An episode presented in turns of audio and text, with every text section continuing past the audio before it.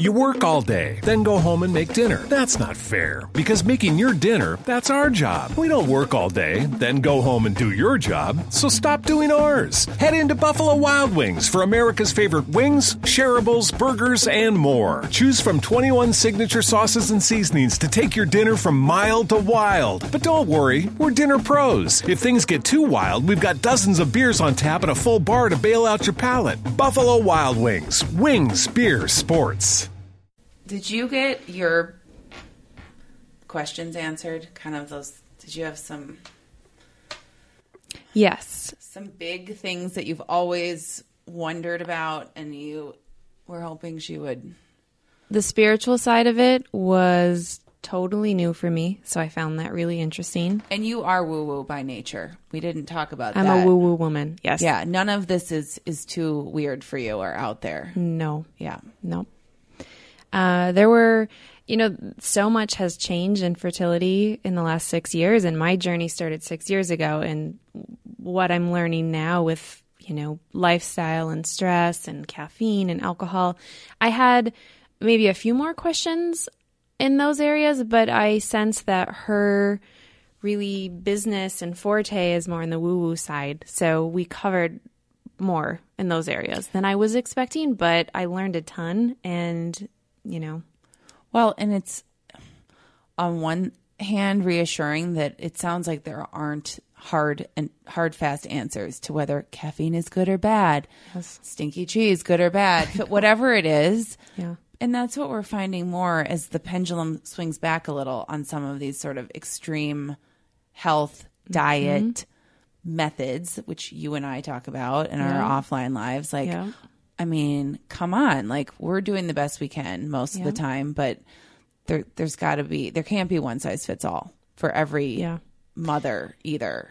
I think women want to control all variables. So if you tell them drink one cup of coffee a day and eat these superfoods and sleep eight hours a day, and if you can quantify what we can do to control our concept or you know conceiving, then we'll do it. Then we'll have a baby. Then we'll have a baby. But yeah, it also sounds like, guess what? If you're stressed, if you don't think you're going to be a good mother, if you're Yeah. dealing with some underlying trauma from Yeah. 30, 40 years ago, yep, that's going to trump absolutely. whatever you're putting or not putting inside your body. Yep.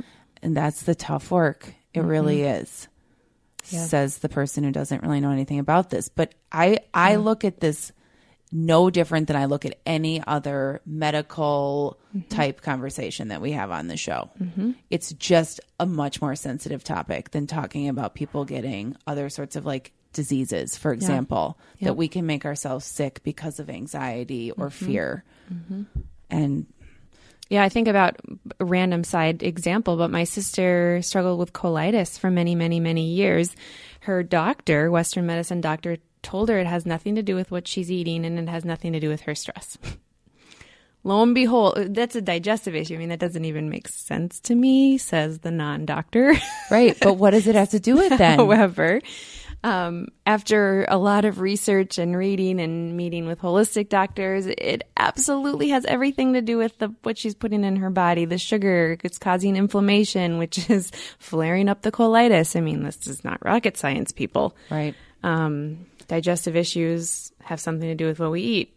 Pow, like crazy, right. And also stress and anxiety was causing inflammation and flaring it up as well. So, I mean, just another health related example that yes, it, the power of the mind can really hurt us.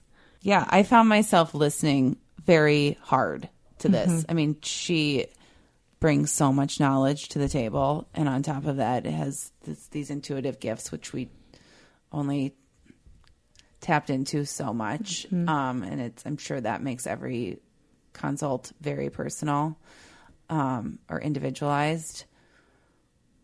But would you, are, like, are you now thinking that you're going to go home and write a lullaby?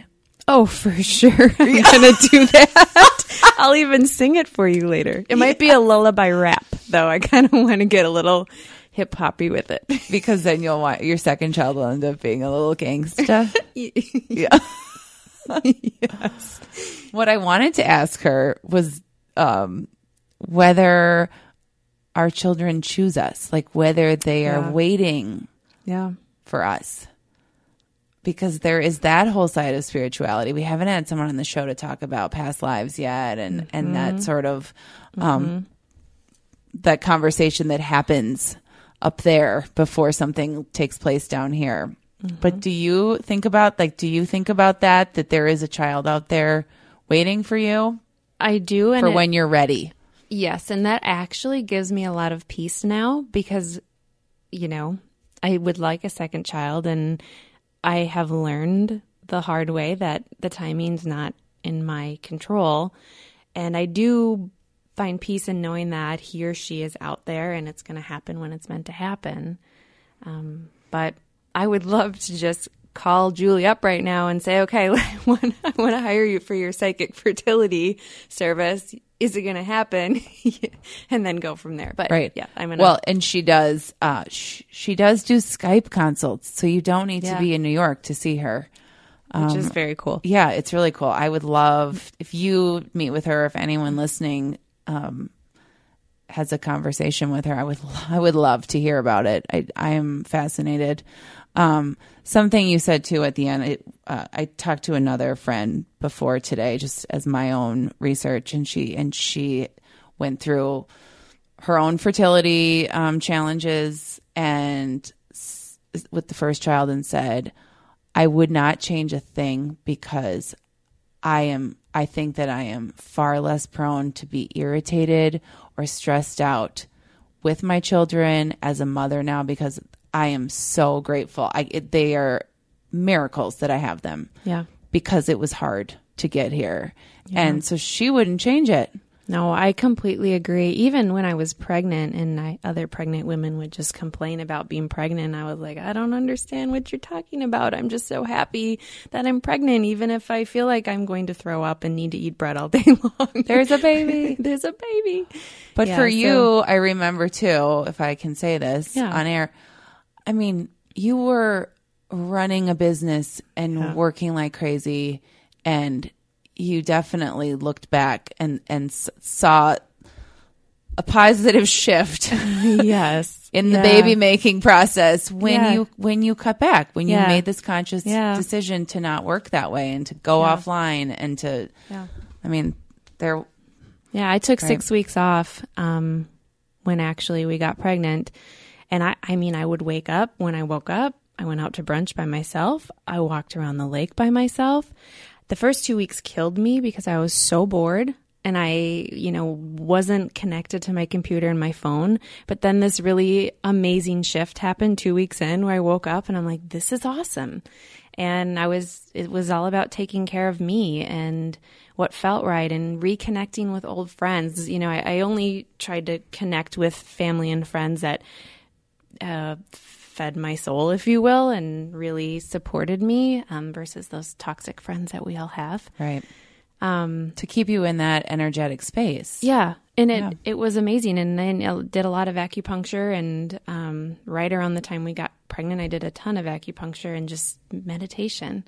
And I th- am completely confident that that's why the miracle really happened for us at that time. So, but taking six weeks off and doing all that is not something that everybody can do, nor could I do that a second time probably.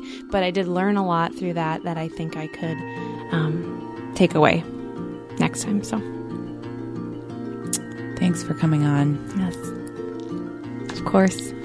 see you next week See you next week. Wait, I'm not see you next week. You can. you can see us next week you can listen I thought you yeah were saying see you we can have brunch